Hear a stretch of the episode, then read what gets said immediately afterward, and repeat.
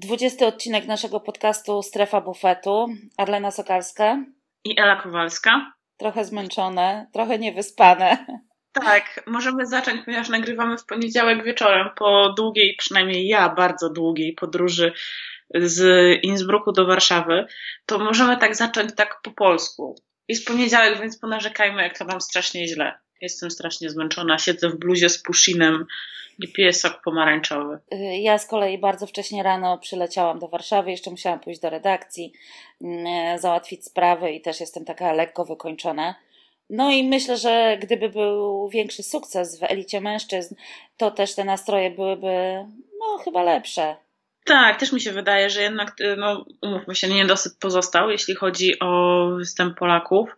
Absolutnie bez sarkazmu. Powiem, że bardzo mi się podobała postawa e, chłopaków, którzy wyszli, którzy bardzo cierpliwie odpowiadali na nasze pytania. Było to, wydaje mi się, okazanie szacunku nie tylko dla naszej pracy, ale też dla, e, dla kibiców w Polsce, którzy ich wspierali, e, że mieli chęć po prostu po takim wyścigu, po takim trudnym wyścigu, który nie zakończył się tak jak zapewne przewidywali, e, wyjść i po prostu powiedzieć kilka słów, odpowiedzieć też cierpliwie na nasze pytania. No i też trochę wyjaśnić, co się tak naprawdę stało na trasie. Dokładnie, dokładnie, dokładnie. Oczywiście obaj mówili to ze smutkiem w oczach, e, zwłaszcza Michał Kwiatkowski. Myślę, że Rafał Majka z większym zmęczeniem niż ze smutkiem. Oj, Rafał to był mega zmęczony, to tak, potwierdzam, mega był zmęczony. Tak, no Rafał nawet poprosił nas o to, żeby nie, nie stać, tylko siedział po prostu odpowiadając na nasze pytania. Zresztą powiedział, że jest bardzo, bardzo zmęczony już tym całym e, sezonem. Sezonem, tak. I powiedział, I... że jest zmęczony nim fizycznie i psychicznie. I no. na takiego zawodnika niestety wygląda. Jeszcze czekają, czeka go kilka wyścigów we Włoszech, ale powiedział, że to już tak bardziej treningowo, z tego co pamiętam, je znaczy, pojedzie. Nawet nie treningowo, tylko jako pomoc dla kolegów z drużyny. To jest Milano, Torino, Piemonte i Lombardia. Oczywiście. Lombardia. Natomiast Michał był po prostu smutny i powiedział, że to jest taki dzień do zapomnienia, co mi tak zapadło mocno w pamięć, to określenie. Tak, też to, też to wyciągnęłam do tytułu. Widziałam, że w zasadzie wiele osób wyciągnęło to do tytułu, no ale to mocne słowa. No i też Michał z kolei mnie ujął tym, że Potrafił się uśmiechnąć, kiedy powiedział, że do końca swojej kariery będzie gonił za tęczową koszulką, tak jak Alejandro Valverde i stwierdził, że jeszcze ma 10 lat. I ja mu odpowiedziałam, że przecież już masz medal, ale powiedział, że, że chce więcej. Natomiast, no tak, jak już w tym całym takim trochę rozczarowaniu, to, to powiem szczerze, ucieszyłam się, że Alejandro w końcu wywalczył ten, to swoje złoto Ach, na no sam widzisz. koniec kariery. No widzisz, bo ja akurat bym powiedziała what a pity. Jakoś tak nie należę do entuzjastów e, Alejandro. Coś jednak nie chcę w żaden sposób kontestować jego sukcesów, bo jest to zawodnik kompletny, który i potrafi pojechać wielki tour i wygrać klasyk, no zawodnik kompletny, tak, co, co tutaj dużo gadać. Natomiast jakoś tak, no nie powiem, są oczywiście zawodnicy, którym, przy których, czy drużyny, tak, no w sporcie jest różnie, przy których stwierdziłabym, że okej, okay, to mu się należało jak psu kiełbasa, ale tutaj akurat tak nie nie ma we mnie jakiegoś entuzjazmu, że wygrał Valverde, mimo iż w naszej takiej mini lidze typerów e, ja na niego stawiałam, a postawiłam na niego tylko i wyłącznie dlatego, e, że pamiętam jak e, podczas Vuelty właśnie też żeśmy sobie rozmawiały i ty, nie wiem czy to żeśmy nagrały, czy, czy rozmawiałyśmy Nie, to rozmawialiśmy prywatnie. No właśnie, i ty powiedziałeś, że doświadczenie 100-milowego lasu mówi, że jeśli jest jakakolwiek szansa, że Alejandro Valverde może wygrać ten wyścig, to znaczy, że trzeba na niego postawić. I ja się tej teorii posłuchałam, bo jak wiemy, dostałam już parę razy po tyłku, e, nie słuchając się twoich teorii i, i działając, że tak powiem, no, tak jak mi serce na przykład podpowiadało, no, to teraz poszłam za rozumem przy Alejandro. No właśnie, ja oczywiście nie posłuchałam swojej własnej teorii, że jeżeli warto postawić na Valverde, to warto postawić na Valverde. Ja oczywiście rozmawiałyśmy wielokrotnie nawet y, w strefie bufetu y, o tych mistrzostwach świata i ja za każdym razem powtarzałam dwa nazwiska właściwie od wiosny, Nibali Valverde, bo mi się tak wydawało, że, że to są kolarze, którzy mogą powalczyć. No tutaj Nibali został skreślony przez tego kibica nieszczęsnego. No i został Valverde. A mimo to na niego nie postawiłaś naszej mini lidze typerów, widzisz? Tak, tak, zdecydowanie wygrała Marta, która postawiła na to, że Bardet, bardzo dokładnie, precyzyjnie, że Bardet zdobędzie srebrny medal i tak się stało. No i drugie miejsce Ela, która postawiła Valverde, ale nie wymieniając kolejności, tylko trzech zawodników na podium. No ja oczywiście nie wygrałam nic. No tak. Bo nie no, postawiłam na Valverde.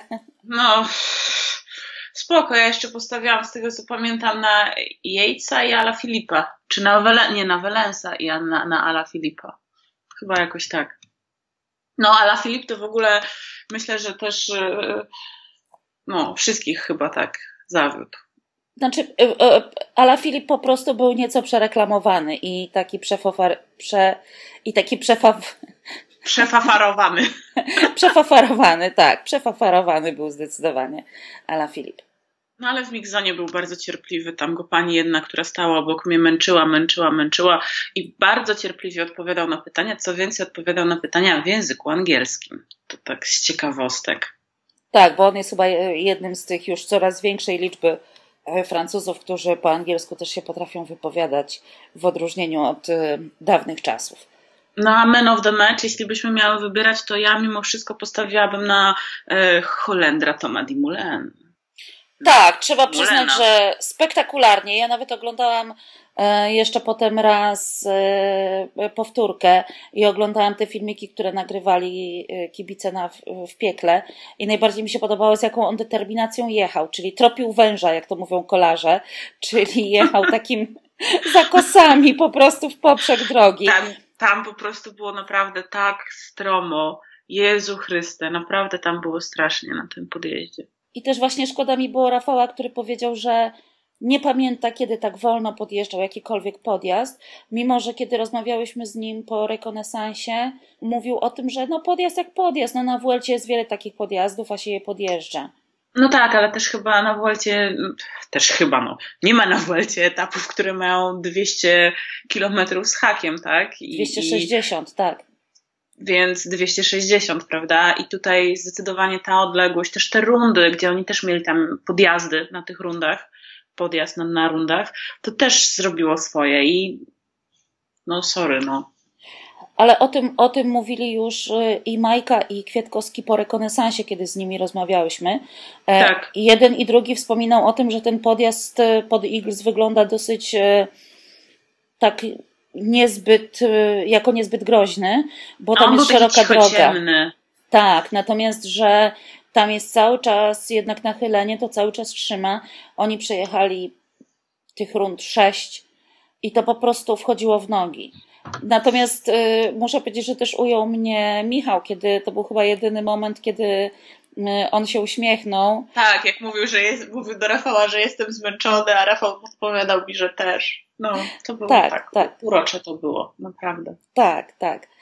No po prostu nie wyszedł. I bez sarkazmu. Bez, bez sarkazmu. sarkazmu, tak. Nie wyszedł im ten wyścig. No trudno powiedzieć. Y, Rafał się chyba trochę nie nastawiał na to, że będzie tutaj liderem i jeśli chodzi o jego postawę przepraszam, też takie wrażenie odniosłam po naszych rozmowach piątkowych, ponieważ w piątek e, kolarze spotkali się z, z dziennikarzami, było takie spotkanie, gdzie mogliśmy po prostu z nimi usiąść i, i chwilę porozmawiać. Też miałam takie wrażenie, że Rafał nawet mówiąc, że ten podjazd to tak bardziej, ta trasa to tak bardziej te podjazdy dla klasykowców i w ogóle tutaj ten, więc też odniosłam takie wrażenie, że, że właśnie tak jakby i widać było moim zdaniem po Rafale, że on już wtedy w piątek był po prostu prostu zmęczony. Pewnie tak, natomiast też myślę, że gdyby on przyjechał na ten wyścig może z innym nastawieniem, że jednak będzie musiał tutaj jeszcze dać siebie więcej, jeszcze wykrzesać z siebie wszystko, być tym liderem reprezentacji, to myślę, że też pojechałby z innym nastawieniem, a też trzeba powiedzieć, że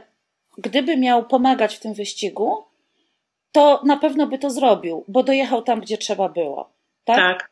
Tak. Czyli był w pierwszej grupie przed podjazdem i do tego momentu mógł pracować dla kolegi po prostu. E, jednym słowem, no tak jakby on troszkę swoje zadanie w tym wyścigu e, wykonał po prostu. Natomiast mówił, że on użył takiego określenia, że nogi mu twardo kręciły. E, miał nadzieję, że mu się to przełamie po 100 kilometrach, że odpuści, ale, ale wiedział, nie odpuściło. że nie odpuściło. Mówił, że wiedział, że jakbym że jak nie odpuszcza po 150 kilometrach, to znaczy, że nic z tego nie będzie. A ja jeszcze wrócę do tego Toma Dimulena, bo e, ja też tutaj nie jestem jakąś fanką Tomasza, ale jestem ciekawa Twojej opinii, bo on też mówił po tym wyścigu, że już nie miał praktycznie nic w baku, ale gdyby on tak troszkę, troszkę, troszkę, naprawdę tak troszkę docisnął, czy myślisz, że on by mógł to ogolić? Chyba nie, dlatego że tam A. był taki moment, kiedy w biurze prasowym, bo tutaj taki disclaimer mały, że ja musiałam siedzieć do końca wyścigu w biurze prasowym, ponieważ musiałam równo z przekroczeniem linii mety przez zawodnika wysłać tekst do redakcji w związku z deadline'ami, a większość dziennikarzy, między innymi Ela, była w tak zwanej mix zone, czyli tam na linii tak, mety. Czekając, gdzie... na, e, czekając na kolarzy. Więc ja nawet nie mogłam zobaczyć na żywo tej wielkiej radości Valverde po przekroczeniu linii mety, ale właśnie jedyny moment, kiedy w biurze prasowym rozległ się śmiech, to był ten moment, kiedy Dimulę zaatakował i zaraz odpuścił. Tak, On chyba tam już ja kompletnie też, nic nie tak, miał w baku. Tak, i właśnie ja też, ja tak popatrzam to i tak sobie myślę, Boże, no ciągnij jeszcze! No ale niestety, no.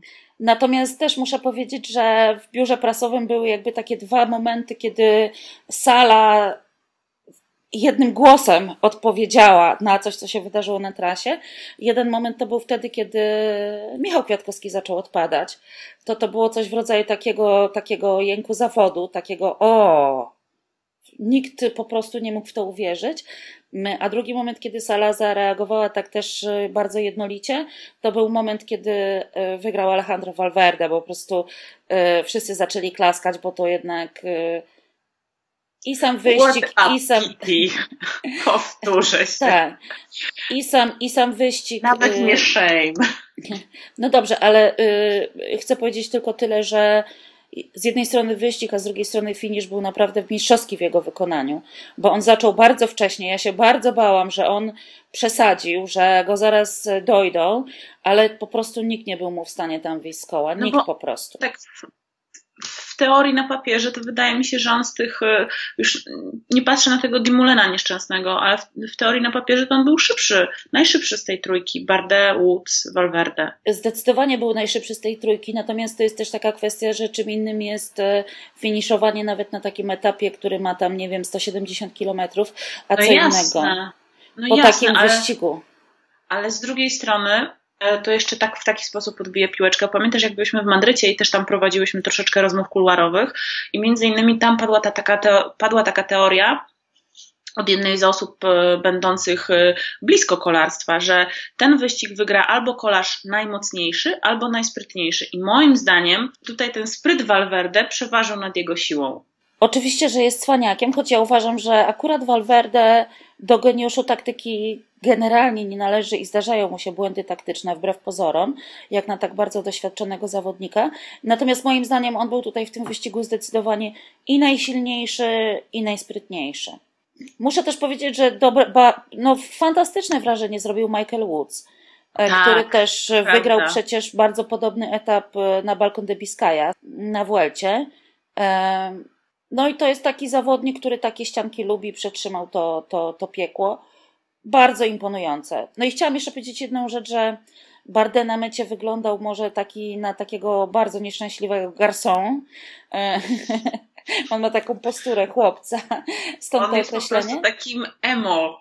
Nie, no właśnie emo Romek. jest dla mnie taki, takim uosobieniem takiego francuskiego garçon. To też trzeba powiedzieć, że to jest pierwszy od 19 lat medal dla Francji. Francuz to dla mnie takim, e, jeśli mamy już tak porównać do takiego garçon, to takim właśnie garçon to jest moim zdaniem bardziej Ala Philippe. No nie, Ala Philippe to D'Artagnan, to już... No, ale... to już... Nie, bo, bo, bo Bardet to jest taki gawrosz, tak? No, niech będzie. Dla mnie emo. Dla ciebie no gawrosz, dla mnie emo. I tak sobie tak się zastanawiałam też, czy tam była w ogóle jakakolwiek szansa, żeby oni tego Valverde się pozbyli, i był taki moment na tej ściance, kiedy Woods poszedł troszeczkę mocniej i tam Alejandro zaczął subtelnie zwalniać. To czy Twoim zdaniem, gdyby to piekło było odrobinę dłuższe, to udałoby im się go tam zgubić? Trudno powiedzieć, bo na takich ściankach to po prostu czasami wystarczy kilka metrów, żeby już stracić dystans i już go nie móc y, odrobić. A z drugiej strony też jakby pokazał Dimulę, że można było tam na zjazdach i na, i na płaskim jeszcze spróbować no, e, dogonić, on, tak? Odgonić, no, dogonić. Trochę prawda. poprawić. Więc trudno powiedzieć. Natomiast No mówię, no ja wiem oczywiście, y, do czego ty pijesz mówiąc piti. E, oczywiście chodzi ci o Operación Puerto i to piti jest takim określeniem, którego myślę, że y, Alejandro Valverde nie lubi. E, na pewno woli swój drugi przydomek Bala. No tak sorry, jak... no ale jakby przeszłości sobie nie wygumkuje przeciwieństwie do niektórych wyników. Tak, natomiast y, najbardziej niesamowite jest to w przypadku Valverde, że kiedy on wrócił po dyskwalifikacji w, w, w 2012 roku, to on się okazał kolarzem jeszcze silniejszym niż w czasach, tak, kiedy. To prawda. To kiedy... prawda. I to też daje do myślenia. nie wiem, czy daje do myślenia, tutaj nie chcę żadnych pochopnych wyroków. Ale stawiać. ja też nie daję żadnych pochopnych wyroków, po prostu wyrażam swoją skromną opinię. Ja wiem, że pewnie dla większości świata jest ona absolutnie nieznacząca, ale skoro już mamy podcast, to mogę chyba. Ja też myślę, Valverde jest chyba tak rozmawiałam z Kamilem Wolnickim z przeglądu sportowego, e, że jest takim jednym z ostatnich kolarzy tak. epoki EPO, którzy jeszcze jeżdżą w peletonie. Oczywiście ja nie twierdzę, że Valverde ma w tej chwili coś za uszami, no ale mówię, no, była, była dwuletnia dyskwalifikacja mm, e, i to w takiej jednej z głośniejszych spraw e, w kolarstwie związanych z przetaczaniem krwi, czyli właśnie dr Fuentes i Operación Puerto.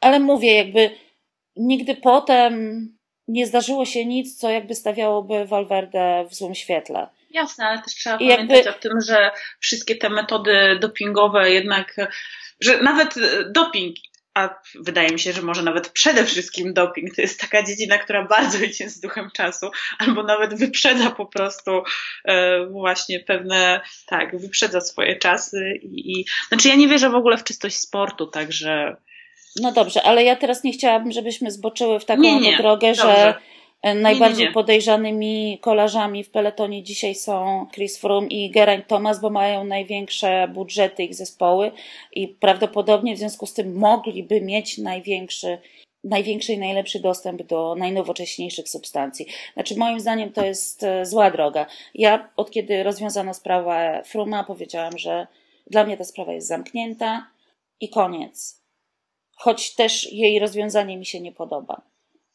Więc też nie chciałabym jakby zbaczać na takie, na takie gdybanie, bo to do niczego jakby do niczego nie prowadzi. No dobrze.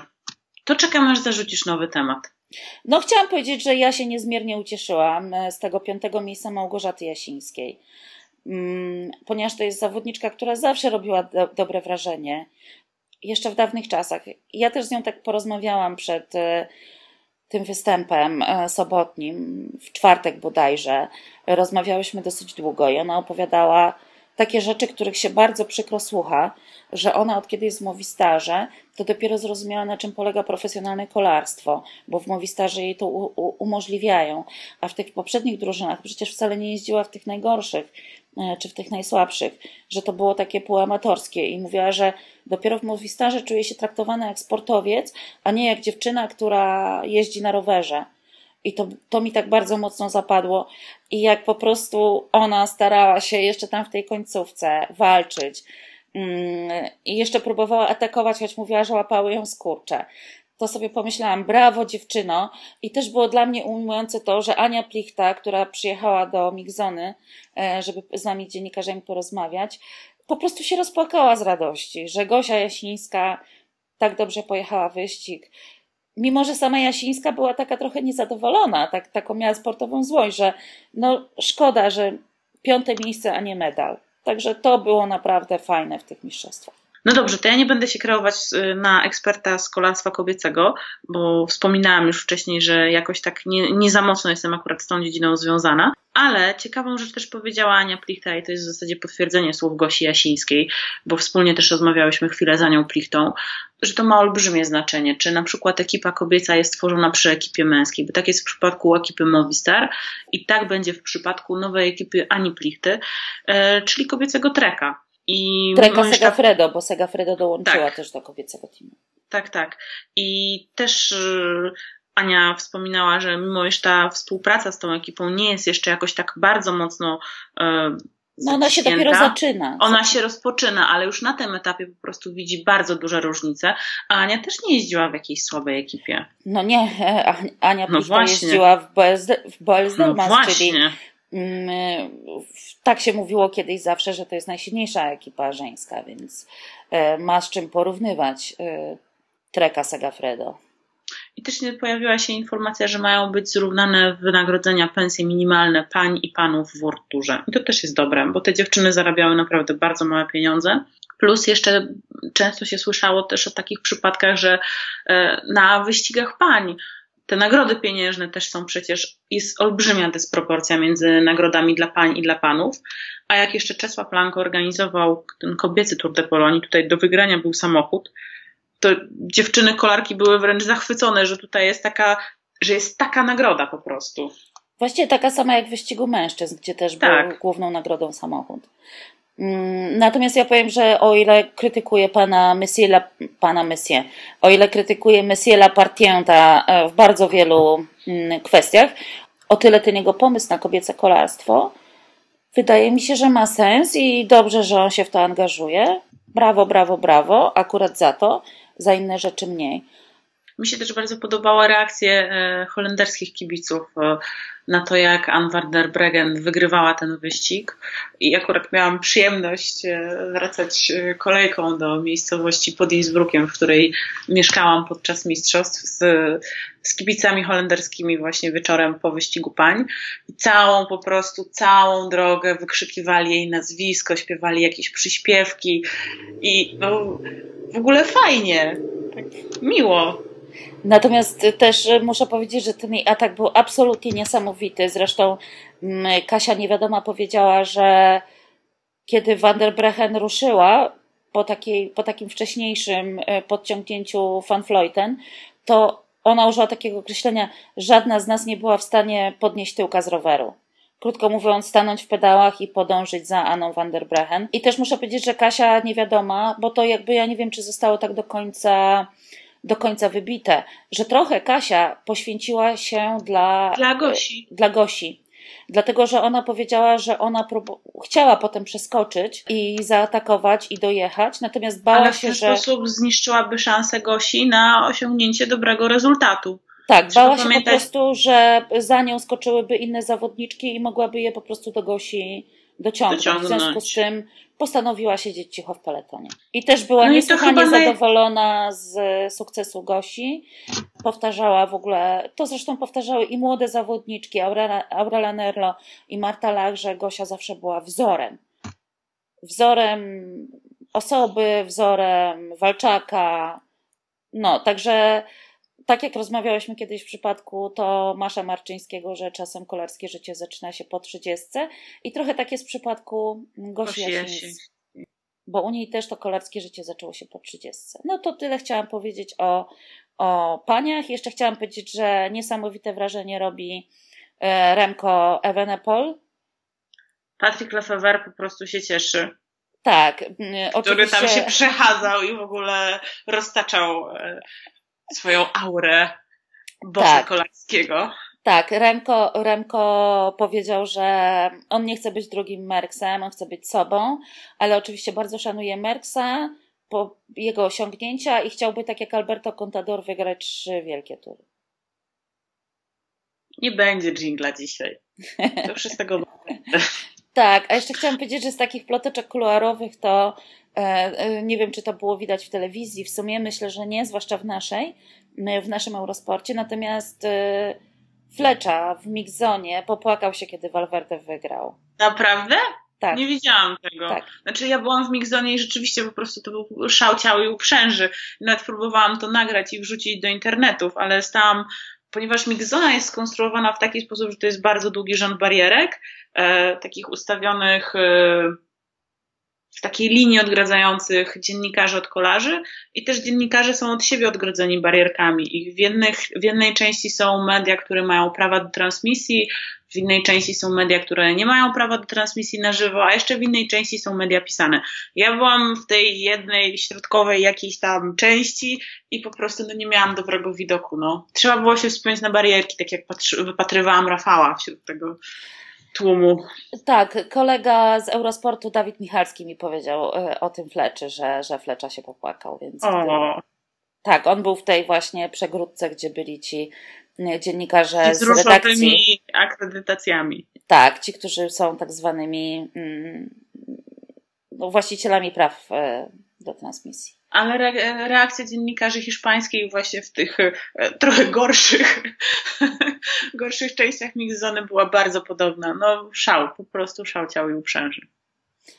Ja w ogóle chciałam jeszcze tylko powiedzieć, ponieważ ja jestem wielką fanką tych dwóch kotów, którzy pojechali na to No-Go Tour i z tego co, o ile się dobrze orientuję, e, to e, Conor Dune, czyli ten wielki Irlandczyk, który jeździł razem z Larym Amerykaninem, tak, e, jeszcze nie ma chyba kontraktu z tego, co się orientuje na przyszły sezon i to właśnie powiem teraz Jemu się po prostu ten kontrakt należy. Ja go widziałam na treningu, jak on po prostu wjeżdżał pod tę ściankę, jak on na tym piekle, jak on się męczył i po prostu dla mnie to, no w ogóle, no szacun. Oczywiście wyścigu jakby niestety nie ukończył, bo chyba nie dojechał do tej ścianki, ale był w ucieczce i był w ogóle strasznie uśmiechnięty w mixzonie i, i długo rozmawiał z dziennikarzami właśnie brytyjskimi. No weźcie go gdzieś.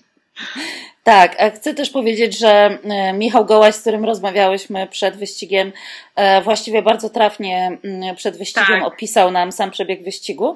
Łącznie z tym, że powiedział, że. Do mety dojedzie kilku kolarzy, nie wiem. Tak, tak, tak, bardzo szczegółowo, ale chcę, zmierzam do tego, że powiedział też, że w pierwszej 20, a nawet 30 nie będzie kolarza, który waży powyżej 70 kilo. I miał rację.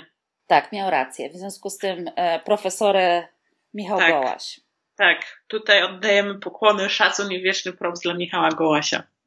Tak, Bo jak mówi za... Kamil Wolnicki, mądrego zawsze warto posłuchać i się czegoś nauczyć i Tak, dowiedzieć. tak. Kamil to mówi za, generalnie za Pawlakiem z filmu Sami Swoi, bo to stamtąd jest to zdanie.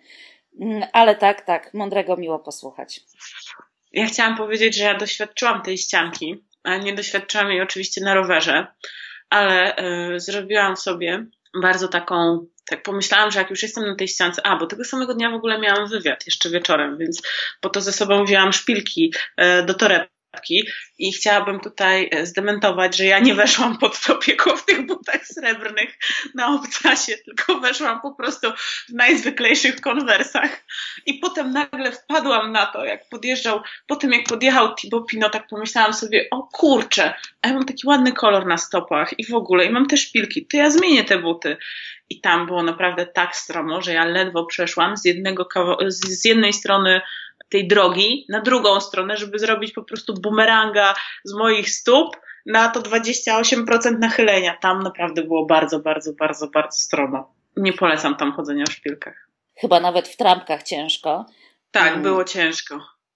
Chociaż w pewnym momencie, bo to też było tak, że my żeśmy tam zaparkowali z innymi dziennikarzami troszeczkę niżej i już w zasadzie tak miałam tam taką dobrą miejscówkę przed tym piekłem, ale chciałam zrobić jeszcze jakieś filmiki na Instagram e, czy, czy na Twittera i w pewnym momencie zobaczyłam, że jadą nasi znowu, więc z torbą, w której był laptop, właśnie szpilki, po prostu oczywiście to ma jakichś batoników, woda i tak dalej, bo w mojej torebce jest zwykle wszystko.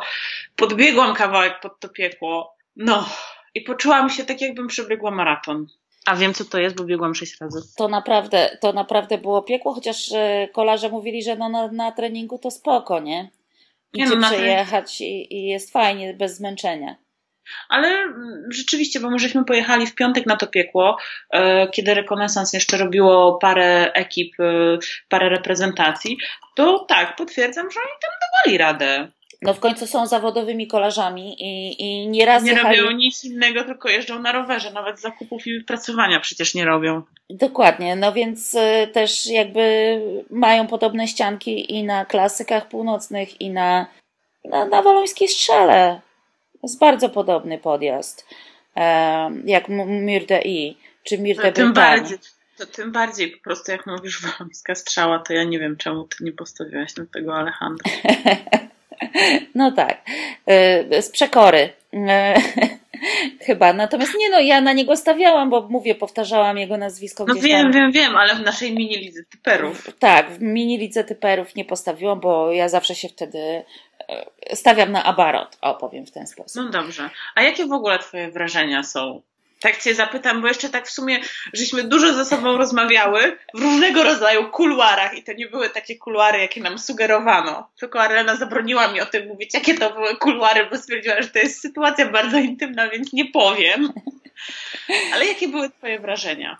Ja tak sobie to uświadomiłam e, wczoraj wieczorem, kiedy wracałam z biura prasowego i już natychmiast zbierali te barierki, zwijali te barierki i tak dalej.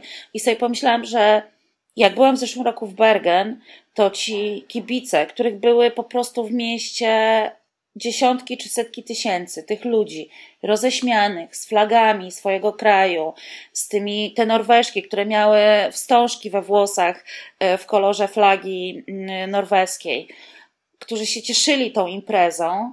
I człowiek miał takie wrażenie, że właściwie wszyscy mieszkańcy wyszli na ulicę kibicować i nawet były takie małe sklepiki tam w tej pięknej uliczce w Bergen, gdzie są te drewniane domki, gdzie było napisane, że sklep będzie otwarty po wyścigu, bo my też chcemy kibicować. Krótko mówiąc, przyjdźcie do nas, jak kolarze przejadą. I miałam takie wrażenie, że jakby oni żyli, żyli tymi mistrzostwami e, i mówili, ojej, jaka impreza, mogłaby potrwać jeszcze tydzień. Natomiast Austriacy mam wrażenie, no, fajna, fajna impreza, ale właściwie to już jedźcie do domu. Tak, tak mi to wyglądało po prostu. Dla mnie największym e, nie chcę wyjść na malkom, polskiego malkontenta i narzekacza, ale dla mnie największym utrudnieniem, e, jeśli chodzi o pracę tam na miejscu, było to, że jednak te ekipy nie były skoszarowane, jeśli tak można powiedzieć, w okolicy Innsbrucka.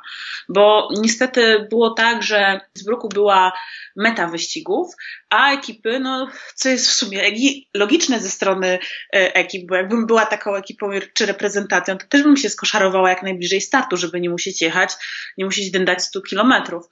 E, no i sytuacja była następująca, że myśmy mieli naprawdę bardzo dużo no, kilometrów. Chyba nasza ekipa, e, nasza reprezentacja polska mieszkała chyba 60 czy 70 kilometrów od Innsbrucka. Pozostałe reprezentacje nawet w odległości 90 kilometrów do, od Innsbrucka, więc y, im bliżej po prostu tego startu, tym było im lepiej. I to moim zdaniem było utrudnienie, dlatego że te mistrzostwa to był też taki czas, ja na przykład bardzo e, zawsze sobie to cenię, na przykład na Tour de Pologne w tym roku to było naprawdę fajne, że żeśmy byli skwaterowani z ekipami e, w jednym hotelu przez kilka dni wracaliśmy do tego hotelu, więc czy to jakiegoś Fabioaru się zawsze dało tam złapać, czy właśnie na przykład ja w taki sposób rozmawiałam z kolegami, innymi dziennikarzami z Fabioaru, tak? Byliśmy, mieszkaliśmy w tym samym hotelu. Udało mi się też w tym samym hotelu złapać Thibaut Pinot, Zawsze też jest taka możliwość, żeby z tymi kolarzami też tak porozmawiać zupełnie off the record, tak? A już mistrzostwa to jest najlepszy czas po prostu na siedzenie, po prostu hotel reprezentacji na mistrzostwach to jest najlepsze miejsce do pracy, bo zawsze ktoś przejdzie do jakiegoś tam busa, zawsze ktoś ci gdzieś tam wyjdzie, zawsze powie cześć, zawsze tutaj można się gdzieś tam na to espresso wbić i trochę pogadać, e, czy, czy z kolarzami tak zupełnie off the record o pogodzie, o, o wszystkim, nawet poza kolarstwem, czy z członkami ekip? I mi tutaj tego zabrakło. Jakby dla mnie była, było, nie było tej takiej właśnie kolarskiej, fajnej atmosfery. Bo dla mnie po prostu mistrzostwa to jest siedzenie z laptopem po prostu i czekanie w hotelu kadry, no. No trochę tak, ale w zeszłym roku też było tak, że mm, wszystkie ekipy stacjonowały w takiej bardzo małej uliczce, zaraz obok biura prasowego. W związku z tym wszyscy dziennikarze e, po prostu przesiadywali, czy przestawali, czy przychodzili, czy rozmawiali pod busem naszej kadry i, i wielu innych dziennikarzy z innych krajów robiło dokładnie to samo. Akurat nasza kadra miała autobus, ale inne, inne reprezentacje też miały duże autobusy, w których przyjeżdżali kolarze i tam po prostu to, była taka, to było takie miejsce spotkań, gdzie można było porozmawiać, bo a to ktoś startował, a to ktoś się szykował do startu, a to ktoś zjeżdżał z, z No z na czasówce to przecież w ogóle najlepiej, jak ona się zaczyna właśnie w tym samym miejscu, gdzie jest meta, bo zawsze właśnie można nawet wspólnie kawałek tej czasówki innego ko kolarza z ekipy obejrzeć, tak? I, i no tak, już usłyszeć te wrażenia nawet. Tak, i tam na przykład też było tak, że przyjeżdżali właśnie kolarze na treningi, właśnie w tamtym miejscu jakby stacjonowały samochody, kadry i tak dalej. E, nie tylko naszej, tylko w ogóle wszystkich reprezentacji. Tutaj te busy były bardzo, bardzo daleko e, i też na sam koniec tych mistrzostw trzeba było w tym tłumie pobiec tam szybko, żeby porozmawiać z naszymi zawodnikami, co mówiłaś już na początku, że, że bez żadnego sarkazmu, że zachowali się naprawdę fajnie. Mm. Bardzo profesjonalnie, bardzo, bardzo, bardzo. I też fajnie, że selekcjoner wyszedł i powiedział, powiedział jaka była taktyka, opowiedział y, o tym, jak wyglądały te przygotowania, opowiedział o tym, jak wyglądało to w trakcie wyścigu, tak, jak on rozmawiał z koleżami, którzy podjeżdżali do niego, do, do jego samochodu. Y, naprawdę, tutaj w ogóle super. Tak, trzeba powiedzieć, że Piotr Wadecki też absolutnie, absolutnie profesjonalnie um, się tutaj zachował. No i ja już medalu nie chcę powtarzać. brak. Medalu brak, tak, medalu brak. Wszystko, wszystko tak, ja już nie chcę powtarzać y, tego sloganu, że takie jest kolarstwo. No ale takie jest kolarstwo, no co ja na to poradzę. No. No. Ja chciałam też powiedzieć, że kolarstwo to jest bardzo trudny sport i jest to bardzo trudny sport również dla dziennikarzy. Tak, to prawda. Potwierdzam, bo na przykład opowiem jeszcze po prostu, bo mam straszną potrzebę i tak myślę, że jak powiem to takiemu, takiemu większemu gronu ludzi, to to tak ze mnie zejdzie po prostu. Bo ja byłam naprawdę sfrustrowana, jak, no dobrze, to jest moja praca, to nie byłam sfrustrowana, bo to była czysta przyjemność, bo ja bardzo lubię swoją pracę i lubię rozmawiać z kolarzami, to jest fajne, ale wtedy, kiedy kolejka spóźnia się 10 minut, a ty wysiadasz potem na tej swojej stacji docelowej i między kolejką a odjazdem autobusu, który miał cię zawieźć do hotelu reprezentacji jest 6 minut, a już masz 10 minut spóźnienia na wstępie w Innsbrucku. Na miejscu, jak, się, jak wysiadasz, okazuje się, że następny autobus jest za godzinę, co w ogóle po prostu niweczy ci wszystko, bo masz tam być nie na 17, a na 16. Okazuje się, że nie ma Ubera, nie ma Taxify'a taksówka kosztuje miliony monet, a w bankomacie masz jeszcze najbardziej, po prostu najbardziej, najbardziej hochsztaplerski po prostu przelicznik ever, euro, to możecie coś strzelić, no. Tak, ja jeszcze chciałam powiedzieć, że też yy, sam Innsbruck Ale jest... jak wiemy, przepraszam, ja tylko powiem, że wszyscy lubimy od czasu do czasu nice adven- że adventures are nice. O właśnie. Tak, tak. Adventures. Y, to Adventure. hasło też. Też. tak, Some adventures, adventures are nice. To też chciałam powiedzieć, że też miałam wrażenie, że właśnie ci Austriacy byli chyba trochę niezadowoleni, że tam przyjechaliśmy e, w tak licznym e, tłumie. Nie mówię tylko o dziennikarzach, ale też i o kibicach, bo myślę, że większość tych tłumów na trasie zrobili kibice, zwłaszcza z Włoch było sporo, bo to przecież niedaleko.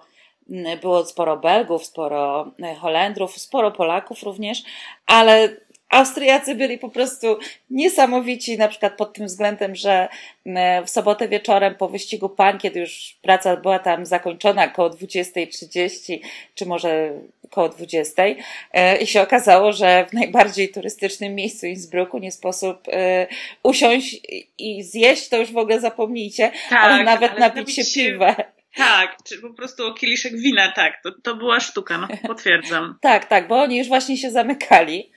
Generalnie tak, to oni idą spać o, o 19 max. Tak, tak. Yy, mówię nawet w tych turystycznych. Nie to to Hiszpania, po prostu oni o 19 wypełzają dopiero, po prostu tak. rozkręca się bailando. tak, tak. To tutaj Austriacy pod tym względem byli niesamowici i też e, cierpią na jakąś alergię na karty kredytowe, ponieważ tylko gotówka Bardzo. wchodzi w grę. Tak. Właśnie, muszę jeszcze przelew zrobić. Ale sznycla żeśmy zjadły. Tak, był wiener sznycel grany. Tak, był wiener sznycel grany. Ziemniaki nie na poziomie Magdy Gessler, nie przypuściłaby ich. Nie, nie, nie, nie. Zdecydowanie poprosiłaby właściciela. Tak. I zrobiłabym taki adventure. tak, tak, tak. No dobrze. To co? Kończymy. Trochę ponarzekałyśmy, ale z złego złego, tak jak rozmawiamy, to widzę, że nie było tak źle. Powiedziałaś e, wczoraj, że ojejku, chciałabyś, żeby już po prostu jechać do domu, ale tak jak sobie gadamy, to widzę, że wcale nie było tak najgorzej. Nie, no, ja uważam też, no, można porównywać te mistrzostwa z jakimiś innymi, na przykład z Bergen, które według mnie było spektakularne, jeśli chodzi o organizację. E, te mistrzostwa były też bardzo dobrze zorganizowane, tam się nie było właściwie do czego przyczepić. Ale akurat taki, taki, a nie inny był teren i sprawiał, że właśnie, że kolarze mieszkali daleko, że busy były daleko i to w naszej pracy dziennikarskiej jest takim trochę utrudnieniem. Tory były złe, a ekipy mieszkały za daleko. I na tak. tym zakończę. To słyszymy się za tydzień. Tak, właściwie już taki trochę koniec sezonu chyba z naszej strony też zrobimy Jezus, sobie taką przerwę. ale to dobrze, to ja już po prostu też jestem zmęczona tym sezonem trochę. Powiem szczerze. Tak, chociaż myślę, że tak akurat będzie może trochę mniej wyścigów i wszystkiego innego. I chyba trzeba też trochę porozmawiać o tych nowych pomysłach na kolarstwo, bo no, Zdecydowanie cieniu... miały, tak, nie miałyśmy o tym czasu, żeby porozmawiać, bo były też wybory do tego CPA, których żeśmy w ubiegłym tygodniu nie zrobiły ze względu na mistrzostwa, więc tak, takiej teorii trochę e, trzeba by było ogarnąć. Zdecydowanie. No to co, słyszymy się w takim razie. Za tydzień. To do usłyszenia. Do usłyszenia.